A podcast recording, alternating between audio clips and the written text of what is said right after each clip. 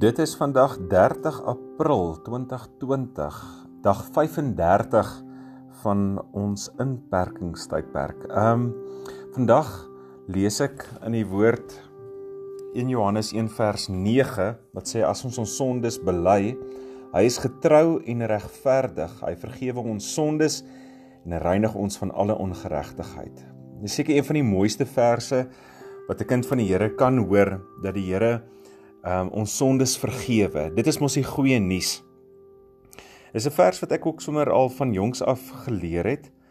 Ehm um, maar daar's 'n bietjie van 'n skuiwergat ook wat wat ehm um, kom weens ons sondige natuur want eh, die Bybel sê vir ons as jy dan nou sonde doen en jy voel skuldig daaroor, dan is dit so maklik soos jy gaan bid tot die Here en jy doen skuldbelydenis en jy sê Here, ek het hierdie ding gedoen, vergewe my en dis so maklik soos die Here vergewe 'n mens.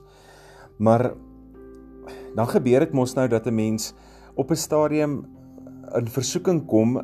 Jy moet eintlik veg teen die sonde en die versoeking, maar jy sê ag, ek gaan dit maar doen want vanaand dan dan bid ek maar net weer en sê ek maar net weer vir die Here, ek is jammer en dan vergewe hy my weer. Dit was een van die denkfoute gewees dink ek ook in die kerk in Rome vir wie Paulus in Romeine in sy Romeine brief um 'n boodskap geskryf het dat ons nie meer sondes moet doen om die Here se genade groter te maak nie. Dan verstaan 'n ouetjie die evangelie lekker, nê? As jy weet dat die Here gesterf het vir jou sondes, dan stry en beklei jy eintlik teen dit en dan probeer jy dit um nie weer doen nie. As kind het ek um, oor hierdie teks gedink in die in die tyd nog van my sonnaarskool van van kategese nê waar 'n mens um gedink het jy kan maklik van jou sondes ontslaa raak deur net te bely en dit nie weer te doen nie. Maar vandag dink ek, jy weet, dis amper soos iemand wat ontrou is aan sy vrou. Hy voel skuldig daaroor. Hy gaan na sy vrou toe. Hy gaan sê vir haar, ek is verskriklik jammer. Ek was ontrou aan jou gewees. Ehm um, daar's 'n ander vrou in my lewe. Vergewe my asseblief. Maar môre gaan hy maar net weer terug na die ander vrou toe en dan vanaand kom hy weer terug huis toe en hy vra maar net weer vir sy vrou. Hy's jammer, maar hy weet hy het nog nie die verhouding opgebreek nie met die ander vrou nie. So hy lewe in sonde. Hy gaan maar net voort daarmee um en, dit kan mos nie so werk nie. Hoe lank gaan so 'n vrou se se geduld met haar man wees? Hoeveel genade gaan sy vir hom hê? Nou gelukkig God is nie um 'n mens nie. Um dit dis hartseer vir 'n kind van die Here dat baie van die sondes wat ons vanaand bely gaan ons môre aand weer bely. Um baie van die goeie doen ons oor en oor en oor.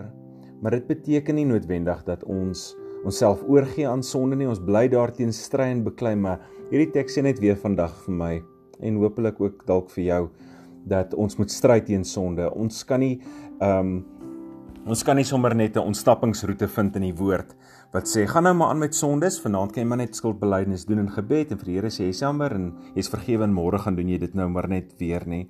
Dalk soos 'n man wat na sy vrou toe gaan en gaan sê ek het ek het gefouteer, ek het verkeerd gedoen, ek het sonde gedoen, ek het 'n fout gemaak, maar ek gaan probeer om dit nie weer te doen nie.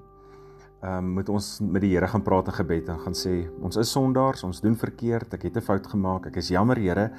Ek gaan probeer om dit nie weer te doen nie. Ek gaan klipbaar daarteen veg. Maar Here, ek is ook te swak om dit self reg te kry. Help my asseblief deur u Gees dat ek um, 'n um, oorwinning sal hê oor die versoekings op my pad en dat ek nie sonde sal doen nie, juis omdat u vir my gesterf het daarvoor en ek op hierdie manier wil dankie sê dat u my vergewe het. Ek wil sommer net so ietsie gedeel het uit die Here se woord uit in 'n boodskap vandag in my eie lewe as ek dink oor sonde en my wandel met die Here en my verhouding met die Here. Hoop dis ook vir jou van nut en dat jy vandag veilig is.